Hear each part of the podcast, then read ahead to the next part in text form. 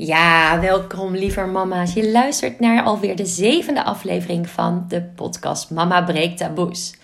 En vandaag is een super mooie, spannende aflevering ook wel. Want dit is de allereerste keer dat ik iemand ga interviewen. En um, nou, de reden dat ik deze podcast wilde opnemen, deze serie, was dat ik met moeders in gesprek wilde gaan over taboes. En ja, dat is nogal breed, hè? Een taboe. Van seks tot urineverlies, van miskramen tot uh, vooral luisteren naar je eigen intuïtie. Dat wat niet helemaal mainstream is. Um, en mijn allereerste gasten voor vandaag is Nadia Scherpenhuizen. Zij is birth doula in Amsterdam en omgeving. en um, de reden dat ik haar heb uitgenodigd, ja, het zijn eigenlijk meerdere redenen. Sowieso is het gewoon een fantastische vrouw. en waarvan ik vind dat veel meer moeders haar mogen leren kennen. Um, maar de aanleiding was een post van, ik denk in, nou misschien is het alweer een paar, echt een aantal maanden geleden. Waarin ze vertelde over miskraam, over haar eigen miskraam. En wat het met haar heeft gedaan en wat het voor moeders doet. En ik heb zelf ook een miskraam meegemaakt. Dat is nu vijf jaar geleden. Een jaar voordat mijn uh, zwanger was van mijn zoontje. Voor mij heeft het toen echt een jaar geduurd voordat ik ook weer zwanger wilde worden. En ik merkte dat het voor mij heel belangrijk was om daar meer over te praten. Juist als verwerking. En dat het echt zoveel meer met mij deed dan alleen maar ja, natuurlijk je lijf zwanger zijn. Maar ook, um, ik voelde dat ja, het kindje. Ik kon moeilijk contact maken met het kindje. Dat vond ik ook wel heel interessant. En voor mij was de nasleep. Ik, ik had echt dat jaar nodig om weer mezelf weer terug, even terug bij mezelf te komen. Dat was voor mij een aanleiding om uh, met Nadia te zeggen van... hé, hey, weet je, ik vind het heerlijk om met jou in gesprek te gaan. Daarnaast is het voor mij een vrouw die heel dicht bij zichzelf staat. Heel goed in contact staat met zichzelf. En um, nou, misschien kan, ze daar, kan je daar wat meer over vertellen straks. Ook als je dat misschien even niet hebt. Helemaal oké. Maar ik denk dat dat wel in, ook een thema is. Want ik voelde van daar mogen wij met elkaar in gesprek gaan. Um, en de verbinding die je aangaat met andere vrouwen. Dus zowel met jezelf, met je kindje als met andere vrouwen. Daar, uh, ja, dat vind ik echt. Uh, nou, de eerste keer dat wij elkaar zagen, merkte ik al van, oh wauw, wel heel, dit, dit stukje is volgens mij heel bijzonder bij jou. Mm. Dus dat... Um, um, Wat een mooie introductie, dankjewel. Ja, alsjeblieft. ik, um, taboes. Ik vind het wel leuk om even kort te vertellen over wat een taboe is volgens de Vandalen. Een taboe is iets waar je, eh, wat verboden wordt om over te spreken. Of als woord gebruikt mag worden. Het is iets dat niet gedaan of gezegd mag worden. En dat is sociaal-cultureel bepaald. Op het moment dat je erover spreekt, dan val je buiten de groep. Roddels is ook vaak iets wat daarmee samenhangt. Um, maar het, dus je kunt ook kijken naar een cultuur, naar een samenleving op basis van wat is er eigenlijk taboe. En ik vind het heel belangrijk om dat te doorbreken. Omdat we dan ook een sociaal-culturele verandering kunnen teweeg kunnen brengen. En volgens mij, als je dit luistert, dan uh, wil je volgens mij ook al iets veranderen in de wereld. Of voel je dat er bij jezelf een verandering mag plaatsvinden. Dus um, lieve Nadia, je mag jezelf nog even voorstellen. Ja, leuk. Ja. maar je zegt dus niet Nadia, maar Nadja. Oh, sorry. Je maakt helemaal niet uit, twee bij niemand. ik gebruik eigenlijk altijd twee. Maar ja, ik heet dus Nadja. Um, ik ben nu uh, ruim vijf jaar doula. En ik ben moeder van twee prachtige kinderen en woon samen met mijn gezin in Amsterdam. Ja. En ik vind het heel mooi het thema taboes doorbreken. Um, ik heb vanmorgen ook even gejournald op het woord van wat, wat is nou voor mij een taboe.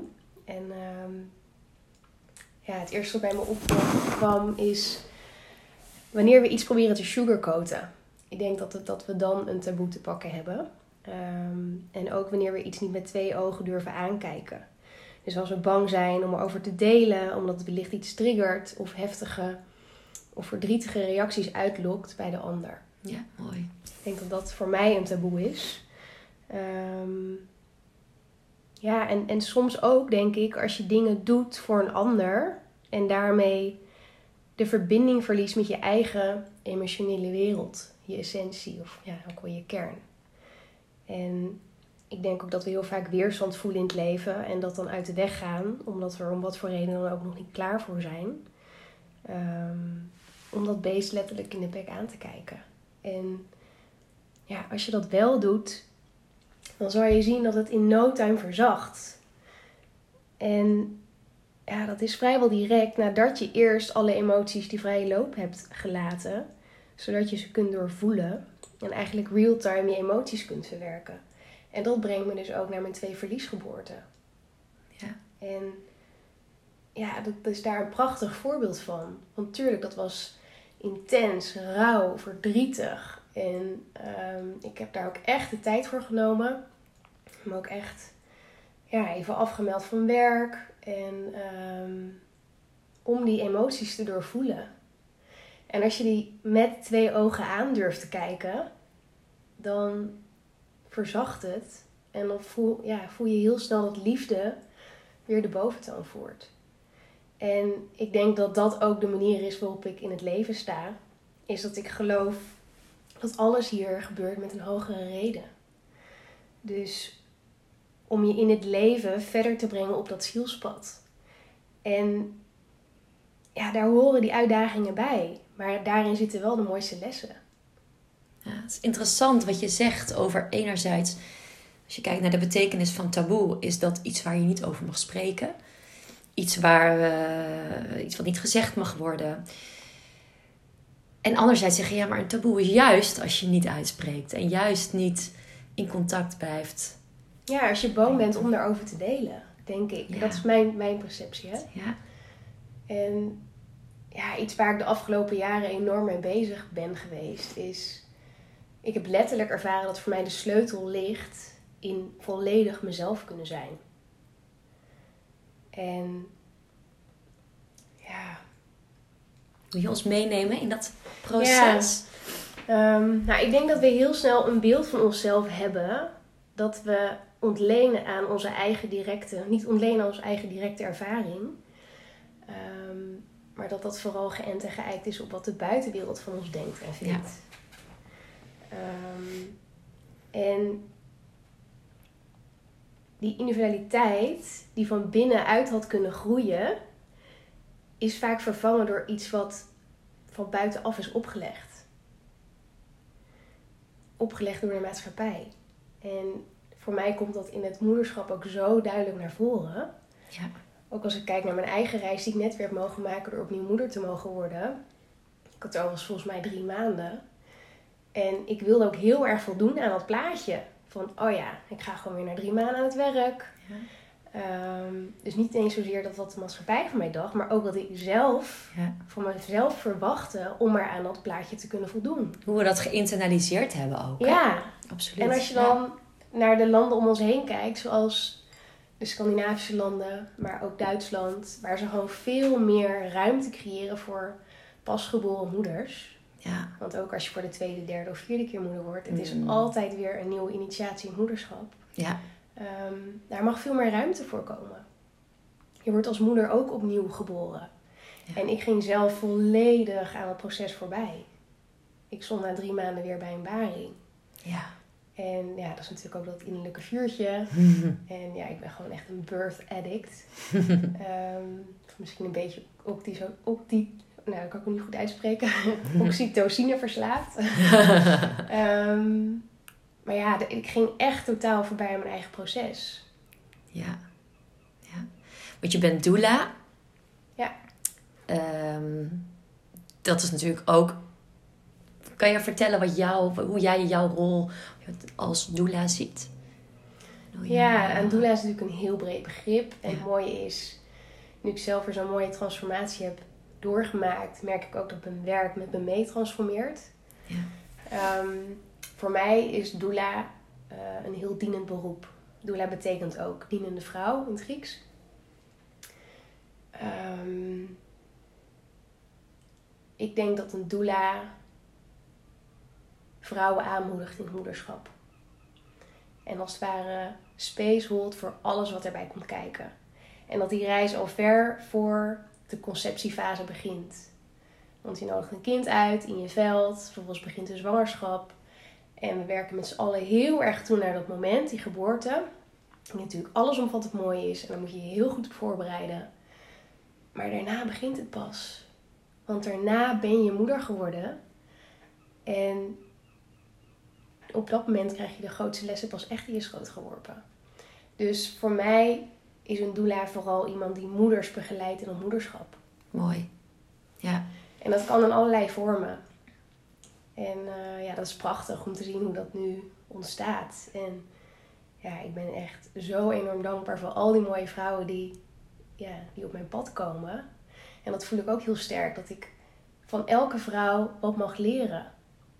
Dus dat het niet alleen maar zenden is, Mhm. maar dat ik nu dus ook veel meer leer om mijn eigen kwetsbaarheid te laten zien en te, te delen wat er allemaal me omgaat, waar ik mee bezig ben in het leven. Omdat dat je gelijkwaardigheid voedt, maar ook de relatie die je, die je met elkaar hebt en daardoor wat meer de diepte in kunt duiken. Ja.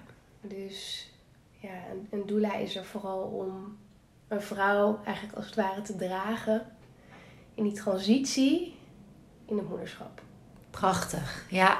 ja, je hebt ook al zoveel thema's aangestipt eigenlijk in wat we nu hebben over inderdaad het feit dat je al moeder hè, de- jezelf openstelt eh, voor ik wil graag moeder worden. En dat je daar al mee een verandering in gang zet. Ehm, Ik voel dat ik dat trouwens ook nog even mag benoemen, want wat veel mensen niet van mij weten, is dat ik ook nog in loondienst werk. Ja. Dat ik drie dagen per week. Echt een fantastische baan. Ik ben er ooit begonnen als projectmanager en op dat moment ervaarde ik veel te veel stress in mijn lijf. En Joost en ik wilden heel graag een tweede kindje uitnodigen in ons gezin. En toen dacht ik, ja, dit, dit flow, dit werkt niet voor mij. Ik wil niet... Ik wil een kind een mooie, zachte bedding in mijn lijf geven... zonder dat er zoveel stress door mijn systeem raast.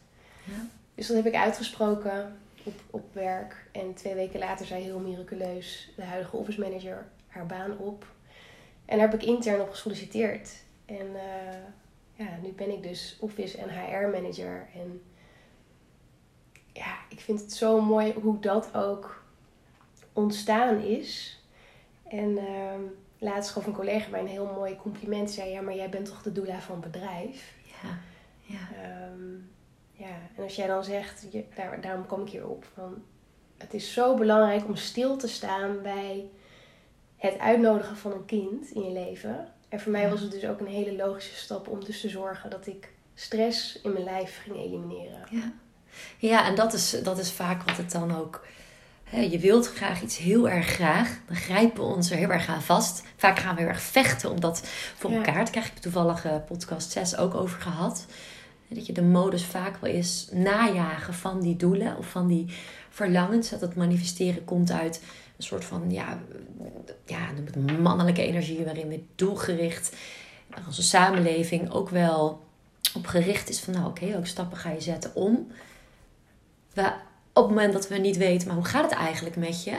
En wat heb je nu nodig op dit moment? En daarop in kunnen tunen. Ja. Naar die zachte. En dat is dat, een prachtige vraag die ik eigenlijk alle vrouwen om me heen, maar met name moeders, ook geregeld aan zichzelf laat stellen. Ja. En dat kan je zelfs vier keer per dag doen. Ja. Van, wat leeft er in mij en wat heb ik nu nodig? Waar verlang ik naar? ja, Want dan kom je weer in verbinding met je kern. ja, En als er iets is wat ik vrouwen, maar vooral ook mezelf, hè, eh, mag leren, is dat we echt veel beter voor onszelf mogen zorgen. ja. Absoluut. Vaak vanuit, we hebben het eh, ook gehad over, weet je, we hebben natuurlijk even met elkaar aan de telefoon gezeten. Vanuit je hoofd naar je hart. Ja, Hoewel we, hè, hoeveel we niet. Dat ik vind ik zo interessant als je het hebt over taboes. Over op het moment dat je overal aan wil voldoen, Hmm. waar zitten we dan hè? Hmm. in ons lijf? ja.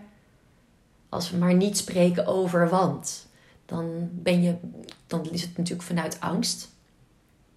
Vanuit angst leven, vanuit angst keuzes maken. Op het moment dat we gaan zakken naar onze hart.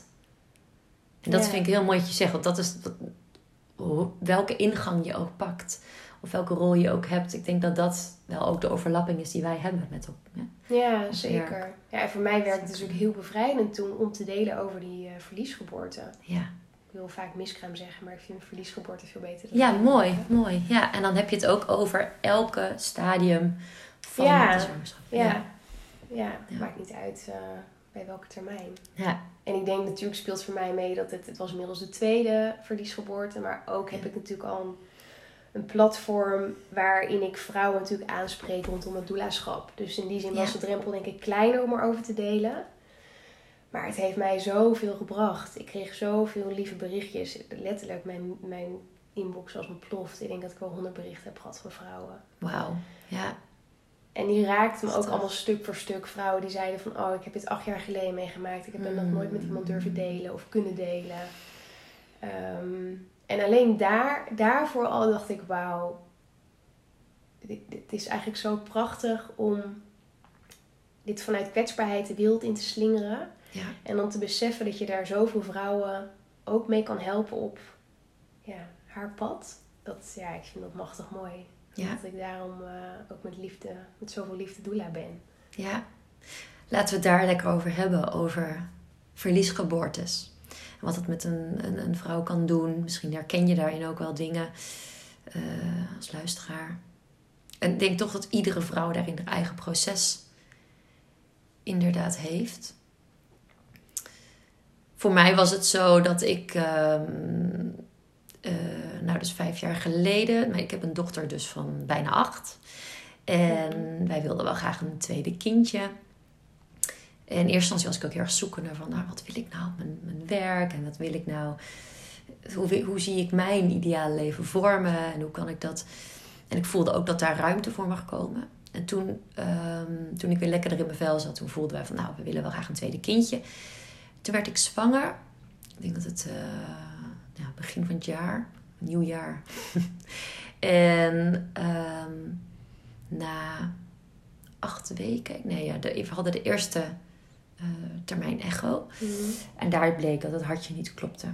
Maar ik merkte al in die fase daarvoor. Ik was niet. Ja, ik, ik, heel grappig dat je niet goed in. Ik kan ook nu merken dat ik het niet goed in woorden kan uitdrukken. Mhm. Maar inderdaad, weinig contact mee had. Of ik was ook niet misselijk. Dat was dan voor mij een indicatie. Ik merkte gewoon dat er iets in mijn lijf.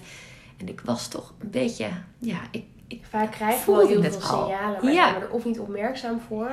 Of we stoppen het weg. Omdat ja. we er nog niet aan willen. Nog niet willen geloven dat het zo is. Ja, en het ook wel dat ik bij, de, bij uh, Annie's, mijn dochter, voelde ik heel sterk. Oh, nou ja, echt volledig vertrouwen. Het hele proces met alles. Ja.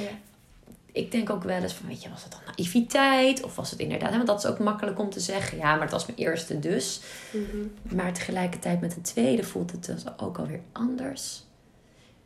En toen bleek inderdaad, bleek dus dat het hartje niet klopte.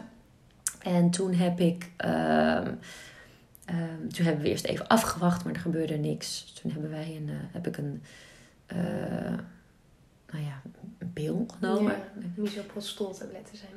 Ja. ja. En bij de eerste werkte er niet zoveel. Ik weet nog wel dat mijn man, die moest naar het buitenland. Toen hebben we dat ook gewoon gedaan. Want ja, weet je, ja, wat kan je er nu nog aan doen? Dat. En het was belangrijk. En toen ben ik naar mijn ouders gegaan. Bij de eerste tabletten werkte er weinig, gebeurde er weinig. En toen heb ik een tweede genomen. En toen deed ik het echt. Toen weet ik nog wel dat ik op de bank lag bij mijn ouders. En dacht, ik ben hier gewoon een kind aan het baren. Ja, het is echt een, een bevalling. Een ja. Bevalling. Ja. ja, en ik vond dat zo heftig dat ik dacht Wow. Je was toen negen weken zwanger? Ja, nou ja, ik denk ja, precies ongeveer. Dus ik denk uiteindelijk misschien bij zes, zeven dat het dan het hartje niet meer klopte. Dus dan keken ze naar de grote. En uiteindelijk, um, uh, volgens mij is het op het Ik heb het ook niet meer gezien, het vruchtje. Um, maar toen reed ik dus daarna in de auto naar huis met mijn dochter van 2,5 achter in de auto. Toen ging ik nog even naar vrienden toe. Weet je, met maandverband in. En uh, zo een soort van, nou ja, oké, weet je, het is weg, het is klaar. En, uh, ja, dit is ook weer zo'n ding waar vrouwen veel meer ruimte voor mogen ja. pakken en nemen. Want je bent een kraamvrouw. Ja, precies. En heel veel vrouwen realiseren zich dat helemaal niet. Nee. En er is zoveel gaande in je lijf. Het is zo'n, alleen al aan hormonen, zo'n rollercoaster. Ja. En ja, daar, daar mogen we echt veel meer bij stilstaan. En ik, volgens mij is het recent ook veranderd dat je nu ook echt vrij krijgt Oh, van je mooi. werk Ja. rondom eh, verliesgeboorte. Ehm, maar ik denk dat ook heel veel vrouwen nog helemaal niet op dat punt aangeland zijn dat ze ook daadwerkelijk tegen hun werkgever Ja. zeggen van, oh ja, ik was net zwanger. Ja. Ik had ehm, een week later. Daar zit ook echt een groot taboe. Ja, ja, ja. Ik denk dat ik eh, een volgende gast eh, al in mijn hoofd heb. eh, Ja. Ina Heijnen. Ja, Ja, ja, precies. Ik heb toevallig Ja. ik heb haar al een keer gevraagd. Dus dit wordt ook weer een time. Alles voor alles een tijd. Dus Ina, als je dit hoort. Ehm, ja, en wat ik ook merkte, inderdaad, wat je zegt, je lijf is gewoon volledig al bezig. En ik merkte voor mezelf, dus ook daarin ook weer het ontzwangeren. Ik ging dus volgens mij na een maand ging ik de rokjes lopen van vijf kilometer rennen.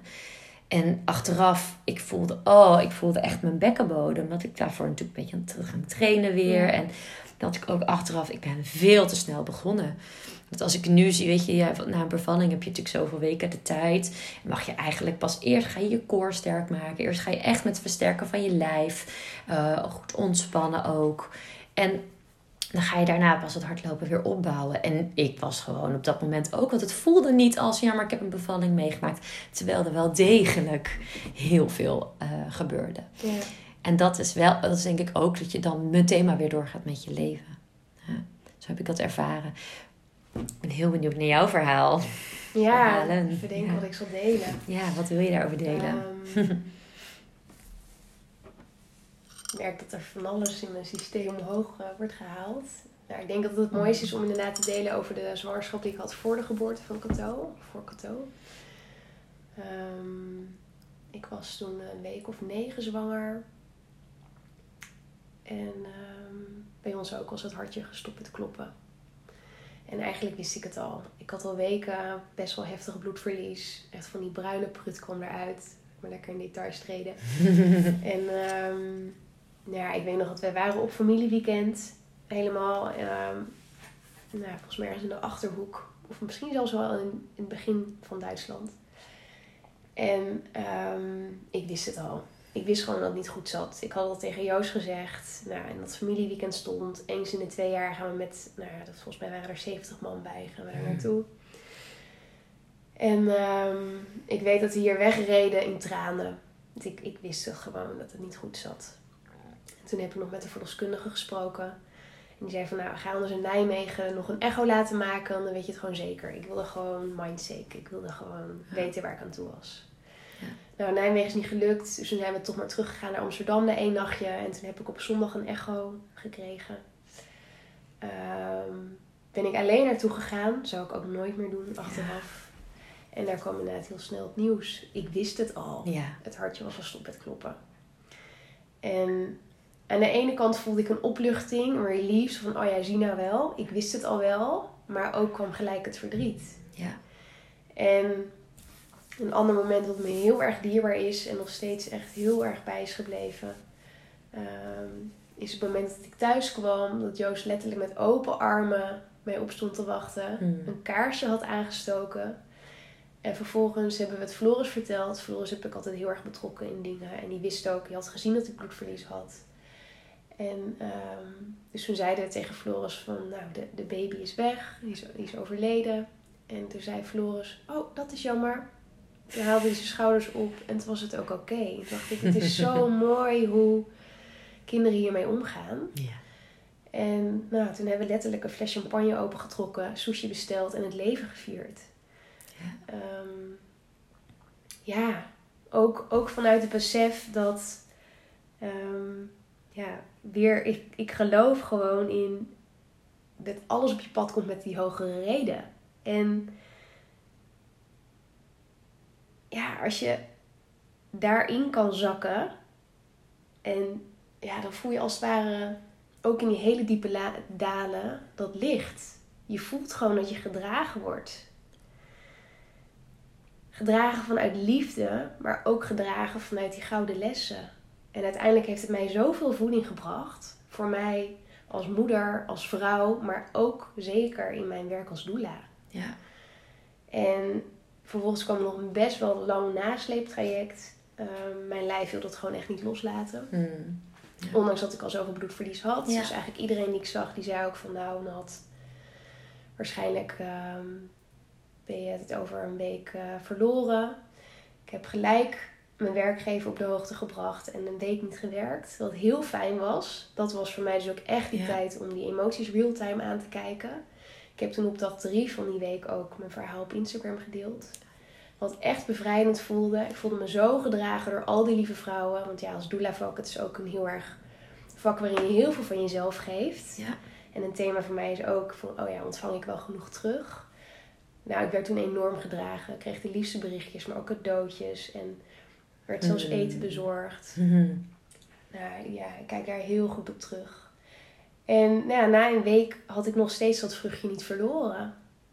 Maar ik wilde ook heel graag mijn lichaam zelf de kans geven om Ja. dat af te stoten. En daar heb ik echt wel wat ritueeltjes zelfs nog bij betrokken. Lekker een altaartje gemaakt. En ook tegen het kindje gezegd van nou, je mag los gaan laten.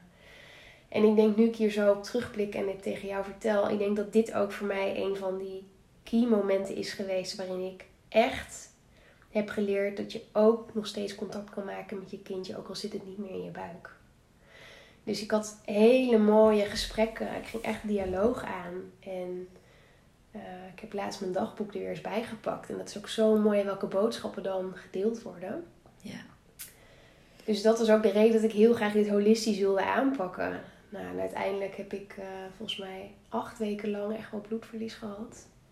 En op een gegeven moment dacht ik, oké, nu is het klaar. Ik Ja. werd er onrustig van. Ehm, nou, uiteindelijk was Joost zelfs een weekend naar Berlijn. En nou, ik had dus van de verloskundige ehm, echt hele strikte orders gekregen. Op het moment dat je je maar iets niet lekker voelt of denkt dat je verhoging hebt. Ja. Ik wil dat je me meteen belt. Nou, toen had ik dus een klein beetje verhoging. En toen heeft ze me gelijk naar de eerste hulp gestuurd. Of de, ja, de spoedpolie van de gynaecologie.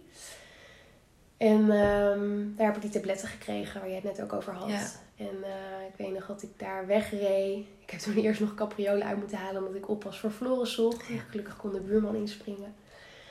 En toen heb ik daar om 11 uur s'avonds op de parkeerplaats mijn schoonmoeder gebeld. En die zijn diezelfde avond nog in de auto gesprongen om naar mij toe te komen. Fijn. En toen heb ik s'nachts die tabletten ingebracht. En ik weet dat ik s ochtends om half tien letterlijk gehurkt over het kookeiland stond om de weeën op te vangen. Ja. En ik was op dit moment volgens mij negen of elf weken zwanger. Ja. Elf denk ik. Ja. En nou, wat me daarna ook heel dierbaar is, of en is bijgebleven. ehm, dus ik heb het vruchtzakje inderdaad opgevangen. Oh ja. En ik, ja, het voelde echt, ik heb ook echt persdrang gehad. Ja. Ik zei ook echt letterlijk van jongens, ik moet nu poepen. Maar toen kwam natuurlijk gewoon een mooi Ja. vruchtje uit, het vruchtzakje. En die heb ik bekeken met mijn schoonmoeder. En het was echt een mini, een mini mensje. Ja. En uiteindelijk heb ik die een heel mooi plekje gegeven in onze tuin bij de geboorteboom, waar nu ook de Mm. placenta van Cato ligt. Ehm, en ja, ik vond dat zo mooi om dat te kunnen bekijken en ook gewoon de magie van het leven te voelen en hoe vergankelijk het leven is. Ja. Ehm, en dat het dus ook helemaal niet zo vanzelfsprekend is om kinderen te krijgen. Nee. Nee, ik, absoluut. ik deel hetzelfde verhaal. Mijn eerste zwangerschap van Floris was gewoon één groot feest. Ik had er nog nooit, hiervoor had ik er nooit bij stilgestaan dat ik het ook verliezen kon. Terwijl het echt ongelooflijk vaak gebeurt. Ja. Eén op de vier vrouwen maakt het zelfs mee. En ja, nou, het heeft mij dus enorm geholpen om hierover te delen. En eh, nou, uiteindelijk was ik ook nog een klein, een klein flubbertje placenta achtergebleven, waardoor ik nog steeds bleef bloeden. Dus toen heb ik nog een curettage gepland in het ziekenhuis. En ik dacht van oké, ik wil het gewoon dit jaar afronden en afsluiten. En eh, nou, toen ook heel miraculeus. Twee dagen voor ik de afspraak had, was het bloeden gestopt. Dus ik zat daar in het ziekenhuis en Joost was met me mee. En toen voelde ik nog van, joh, zou, kunnen we voor de zekerheid misschien nog even een echo maken? Want ja, ik bloed niet meer, misschien is het wel weg. En toen was me inderdaad mijn baarmoeder helemaal mooi leeg. Oh, kijk. Dus.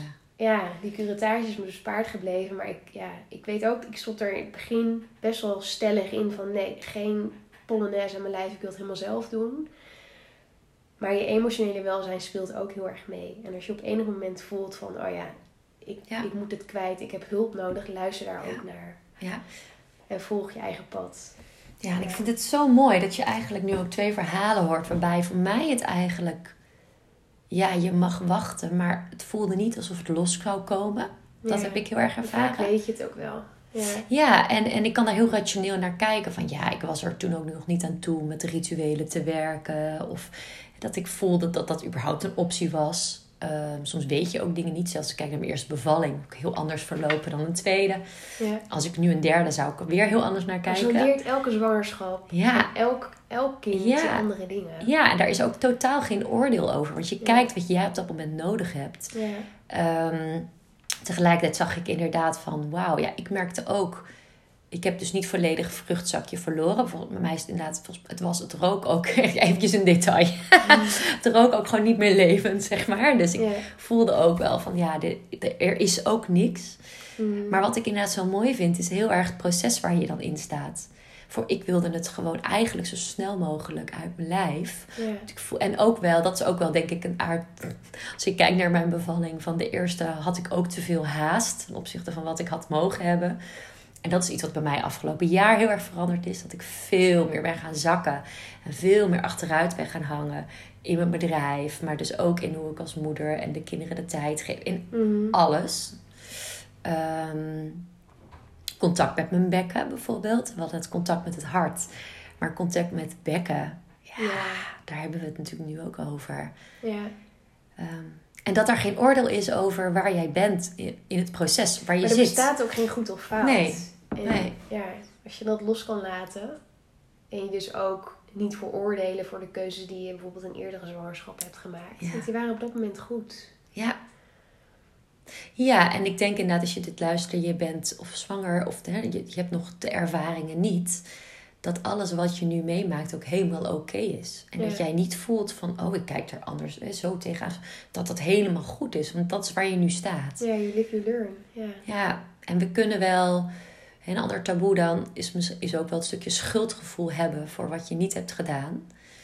Ehm, als ik kijk naar de beginfase van mijn moederschap en als ik nu. Ik weet wel dat ik vaak met het afsluiten van een bepaalde periode of met, met terugkijken naar iets van toen heb ik het zo gedaan, komt ook wel een stukje schuldgevoel in, mhm. wat naast verantwoordelijkheid ligt. Maar ik voel ook, je hoeft daarin niet schuldig te zijn. Je mag staan waar je nu staat en dat meenemen. En dan, dan in de toekomst mag je dat dan anders doen als je voelt dat dat goed is. Ehm, en ik denk dat dat ook wel een hele mooie is. Dat als je kijkt, terugkijkt naar of een bevalling of hoe je om bent gegaan met. Ik kan me heel schuldig, als ik er echt door zou gaan, dan zou ik, ik kan me schuldig kunnen voelen, want ik heb geen rituelen uitgevoerd, ik heb niet met mijn mm. kindje gesproken, ik heb niet Ehm, ja, maar dit is dus ook precies de groei die je nu aanzet in dat moederschap. Precies. En dit is ook precies waarom we kinderen krijgen. Ja. Zodat we mogen groeien in het leven. En als ik nu terugblik op de geboorte van Floor, die fantastisch was. Die staat ook, ja, ik wil niet zeggen op een ander niveau, maar het is, het is totaal anders dan de geboorte van Cato. Omdat ik mezelf heb ontwikkeld in het doulaschap. Veel meer weet over geboorte geven. Maar ook veel duidelijker wist van, oh ja, dit is zo en zo gegaan, maar dat wil ik volgende keer anders. Dus alles in het leven is een uitnodiging om dieper te zakken. En dieper te weten wat voor jou in dit moment klopt. En ik denk als ik nu nog een keer een verliesgeboorte zou meemaken, dat ik die ook heel anders zou beleven. En ook heel anders uh, zou aanvliegen. Ja. Met rituelen of ja. En ook het stukje. Waar sta je nu? Grappig, ik wilde net iets zeggen. Mhm. Iets wat wij in het begin ook. Ehm, ja, oh ja, dat is het stukje waarin je dus um, denkt dat hoe iets hoort, of wat we meekrijgen van de omgeving, ten opzichte bij jezelf blijft, bij je intuïtie, volgen wat jij voelt. Dat en daarin nee durven zeggen. Ja, dat is dus weer een mooie haakje naar die sleutel van mij. Want de sleutel dus echt ligt in volkomen jezelf zijn.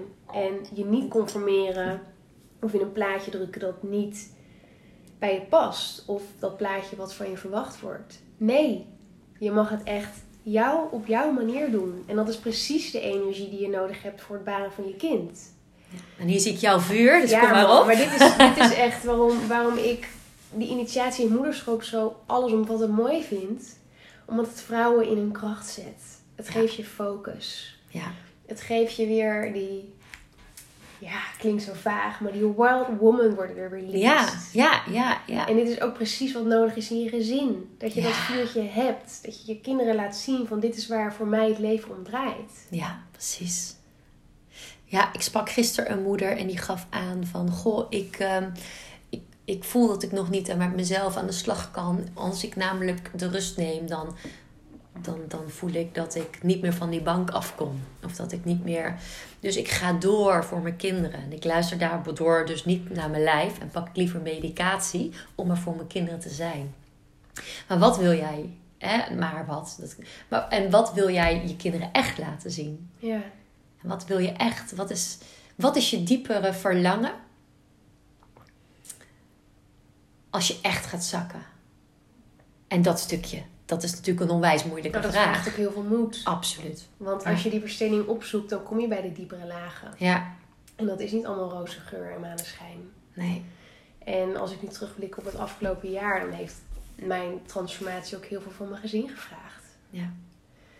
En ik heb afgelopen zomer echt drie maanden niet kunnen werken. Echt mijn ziek moeten melden bij mijn werkgever. En in mijn handjes geknepen dat ik nog het vangnet had van een werkgever. Ja. Vervolgens belandde Cato een maand in het ziekenhuis. Nou, niet een maand trouwens, het waren 15 dagen, maar ze was wel een maand ziek. Ja.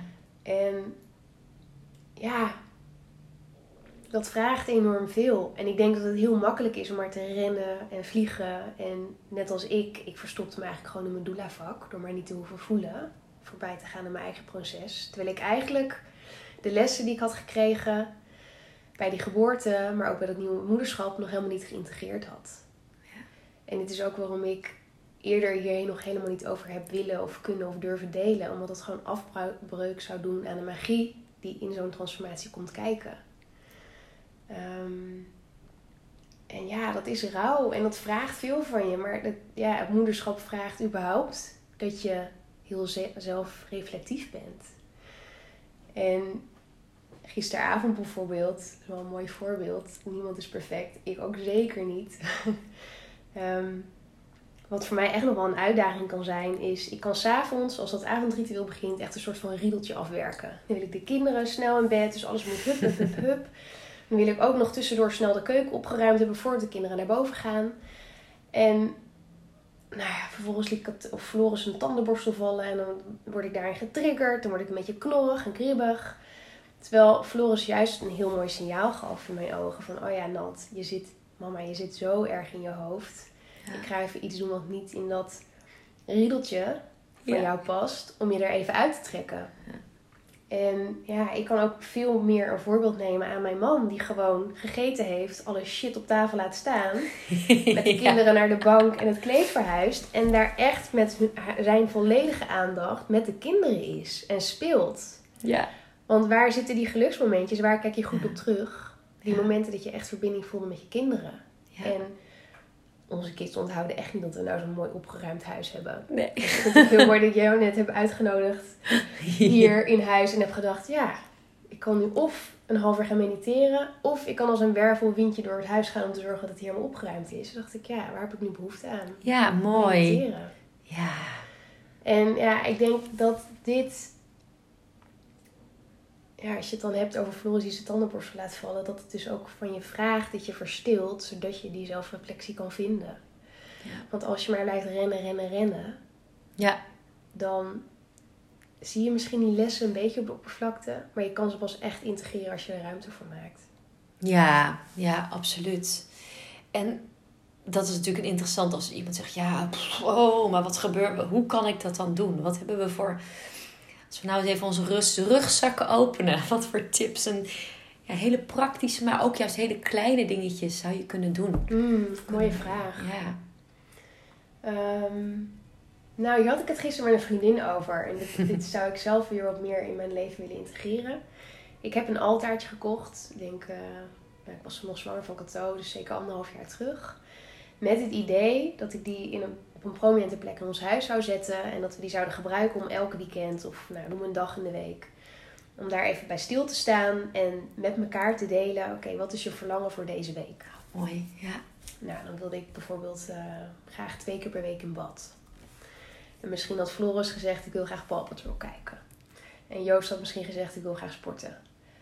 Door je verlangens uit te spreken en te delen met je gezin, kan je elkaar er ook aan helpen herinneren. En ik weet in die bewuste week dat ik dat een keer had uitgesproken van ik wil graag vaker in bad. Dat ik op een avond thuis kwam, dat Joost stond te koken in de keuken, het bad had aangezet en het tijdschrift had gekocht bij de Albert Heijn, noem maar wat. Ehm, ja, wat aangeeft dat het zo mooi is om elkaar wat meer te dragen in die verlangens. Dus ik denk dat jezelf afvragen waar heb ik echt behoefte aan. Ja. En een enorm mooie vraag is om jezelf vaker te stellen. Ja, en wat je zegt, het ook uitspreken. En daar ook daadwerkelijk voelen dat jij dat, dat er gewoon, dat dat er ook echt mag zijn. Ja. Dat dat verlangen wel degelijk heel belangrijk is. Ja. Want vaak denken we dus inderdaad, zoals die moeder die zegt van nou weet je, uh, ja, um, nou, ik ga wel gewoon door en dan maar aan de medicatie, want dan heb ik, voel ik die pijn niet. Of dat. Maar wat zit daar echt onder? Ja, ja en ook het besef dat je, wanneer je er echt klaar voor bent, dan kan je die medicatie ook loslaten om dat aan te gaan. En soms ben je er gewoon niet klaar voor. Ja, dus heb mooi. ook een mild hart. Mooi, ja. We zijn allemaal mens en we struggelen allemaal met het leven. En ik denk dat we vooral mogen leren wat liever voor onszelf te zijn. En ja, medicatie is er ook heel vaak met een goede reden. Ja, ik vind het prachtig dat je dit zegt. Want een van de redenen, wat was mijn introductie al, wat mij inspireert aan jou, is, had ik ook opgeschreven, compassie. Hmm. Compassie hebben. Dat vind ik zoiets, ja. Ja. Dat we de wereld in mogen gooien. Voor jezelf, mildheid voor jezelf. En ook voor de ander, als die inderdaad een ander idee heeft. want ja, dat er bestaat geen goed of fout. Nee, nee, als we daar al van uitgaan, voor jezelf, voor je kinderen, voor de mensen om je heen, voor mensen die je helemaal niet kent aan de andere kant van de wereld, die compleet andere keuzes maken. Ja. Ja. Heel mooi wat je zegt. Je hebt dus eigenlijk één, één plek, een, een, een, iets waardoor je herinnerd wordt aan, oh ja, wacht even, dit is belangrijk, het altaartje. Ja, en ik denk dus ook, je gezin is een plek waar je zo volledig jezelf kan zijn. Ja. En ik denk ook, als ik nu terugblik op, op afgelopen jaar, dat met name Joost dus echt, wat dat betreft ook wel een klap heeft gekregen. Want hij heeft echt gezien hoe het met me ging. Ja. Want daar de buitenwereld ja. toch wel vaak een masker op. Ja. Um, en ik denk zelfs... Um, ja, als iemand mij bijvoorbeeld in februari had gevraagd, ik heb aansluitend aan mijn verlof een paar weken vrijgenomen. Als iemand op dat moment had gevraagd, hoe gaat het nou echt met je? Ja. Dat ik toen al gebroken was. Ja. Dat ik toen al tegen mijn werkgever had gezegd, dit is te vroeg. Ja. Ik ben er nog niet. Dus... Um, ook vaker vragen aan een ander. Ja, en daar dus ook echt de ruimte voor maken. Ja. En echt doorvragen en kijken wat eronder zit. Ja. En dat hoeft niet met iedereen. Dat kan ook niet met iedereen. Nee. Maar zorg dat je mensen om je heen verzamelt waarbij je echt jezelf kan zijn. Tip 2. Ja, het moederschap vraagt ook gewoon van je dat je een mondwerp om je heen verzamelt. Of in ieder geval vrouwen bij wie je echt je hart kan delen. Ja. En een gezin is natuurlijk, dat is je nummer één plek. Hmm. En ik denk ook heel mooi om dat dus mee te geven aan je kinderen. Ja. Um, maar verzamel dus ook vrouwen, met name vrouwen om je heen bij wie je echt jezelf kan zijn. En als ik iets gemist heb door die stomme lockdown, is het uh, samenkomen. Met ja, absoluut. Absoluut. Ja. ja elkaar dragen. Ja. En ook gewoon elkaar zien. Zonder die emoties te willen wegpoetsen. Of te zeggen van, oh schatje, kom maar hier. Ja.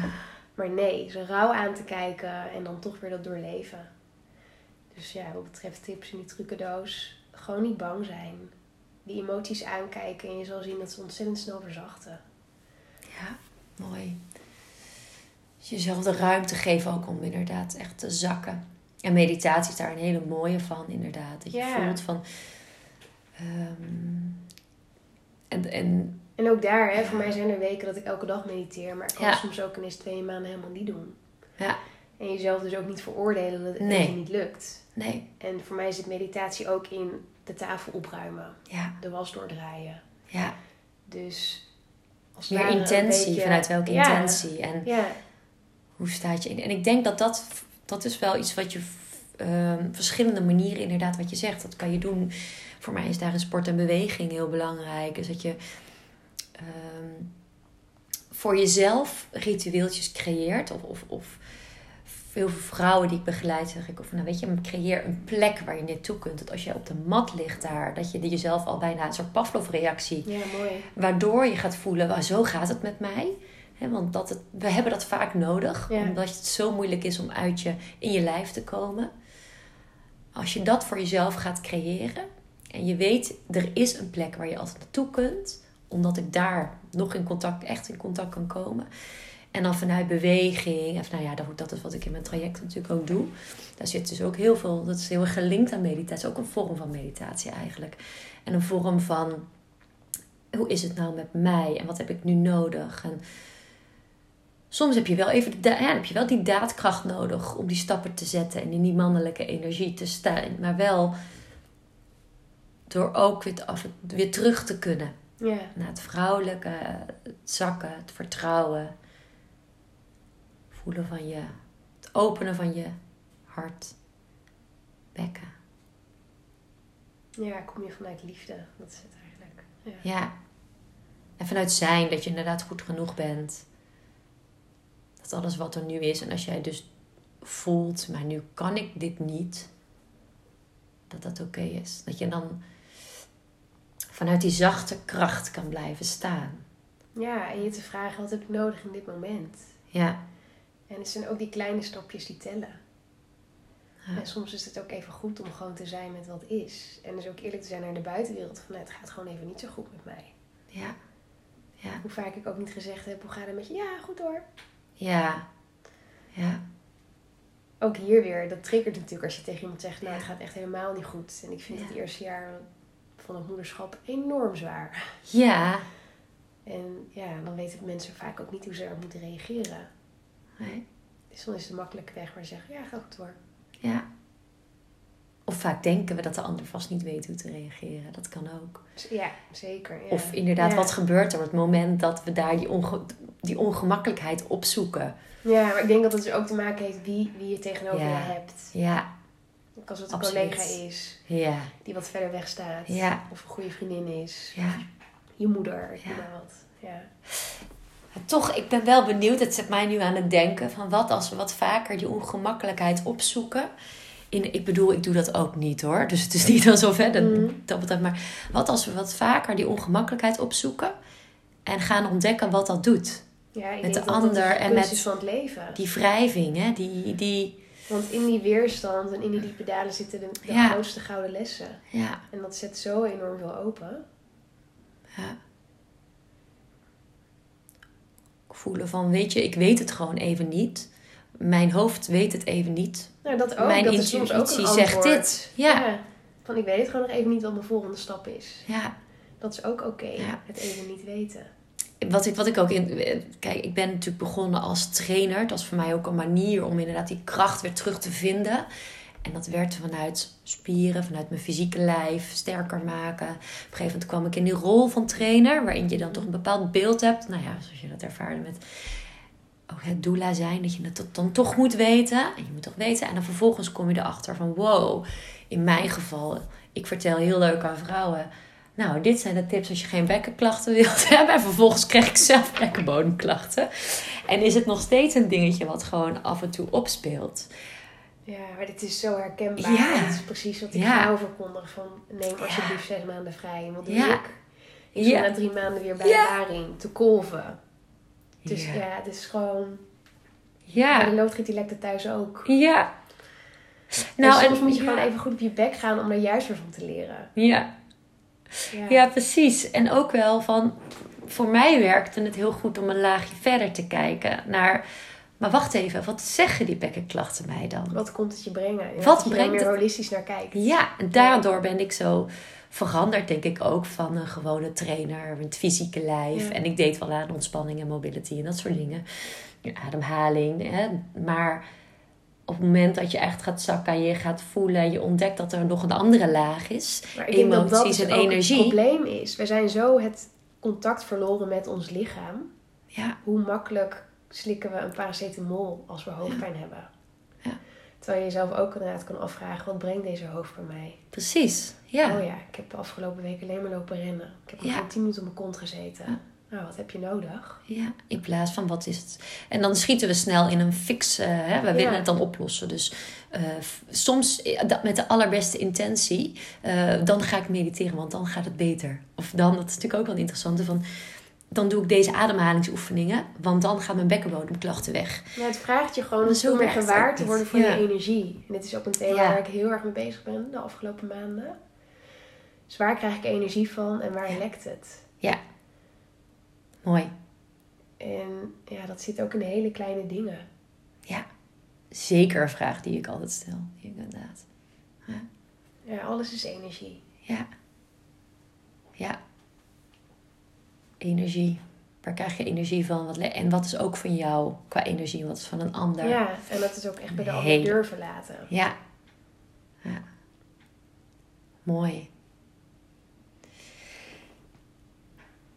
Zijn er dingen die er nog gezegd mogen worden? Hmm.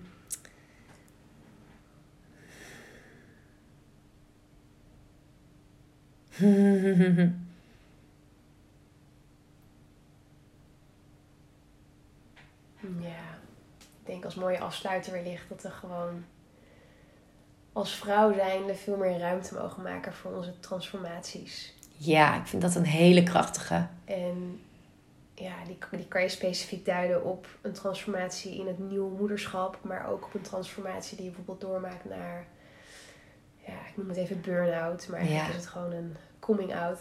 Ja. Ehm, eigenlijk elke transformatie die je maar voelt, waar je meer Ja. ruimte voor mag maken, dat je die ruimte ook neemt. Ja, En door het veel meer delen van je verlangens, je in contact komt met je. Ja. essentie, de mensen om je heen. ja, en ga maar ontdekken wat je verlangen dan is. Ja, In die transformatie. ja, En ga die. En dit is wel heel cool dat je dit zegt. Want voor mij is het natuurlijk ook nu de laatste tijd van ja, maar wat is dan mijn doelgroep? Of wat is dan. Welke vrouwen merk niks ik staat dat. vast. Het verandert met Ja, je mee. ja. Wat ik zelf ook zo mooi heb ervaren. Jij groeit, Ja, dus de mensen om je heen groeien ook met je mee. ja. In je gezin, maar ook met de, ja, je doelgroep en je klanten die je aantrekt. En wat ik merk is dat het gaat eigenlijk om transformaties. Dat, dat jij durft, als jij voelt, ik wil verandering. Of extern, er moet gewoon verandering komen. Want soms word je daar dus erg met je neus op de feiten gerukt. Ja, Door je lijf, maar ook doordat je in één keer moeder bent. ja en wees dus gewaar van die spiegels die je krijgt. Ja, precies. En ga die maar gewoon omarmen en stap daar maar in. Ontdek, ga die laagjes maar afbellen. En, en zoek je, zoek daarin gewoon lekker je, de mensen bij wie je op dat moment voelt dat je dan terecht kunt. Of zoek, onderzoek misschien, hm, ik zou het wel graag willen bij die persoon, maar hoe durf ik dat wel? En ga, weet je, stap maar uit dat com die comfortzone en eh, of als jij voelt van ja, ik mag daarin gewoon ondersteuning hebben, doe dat. Maak het voor jezelf belangrijk. En als je denkt, ja, dat is toch niet zo nodig? Als je die gedachte al hebt in je hoofd, voel maar even wat daaronder zit. Ja, zorg goed voor jezelf. Ja mooi. Dankjewel. Ja, jij bedankt voor het mooie Ik gesprek. vond het heel erg fijn om met jou eh, deze eerste duo-podcast Ja, af te leuk. trappen. Het is ook mijn podcast debuut, dus het voelt Ja, heel open. Heel Ja, mooi, heel mooi. Dankjewel. Dankjewel. En, ehm, Met liefde. oh ja, hoe kunnen mensen jou... eh, dat moet, mogen natuurlijk ook even ja, gezegd worden. Hoe kunnen mensen jou vinden, volgen?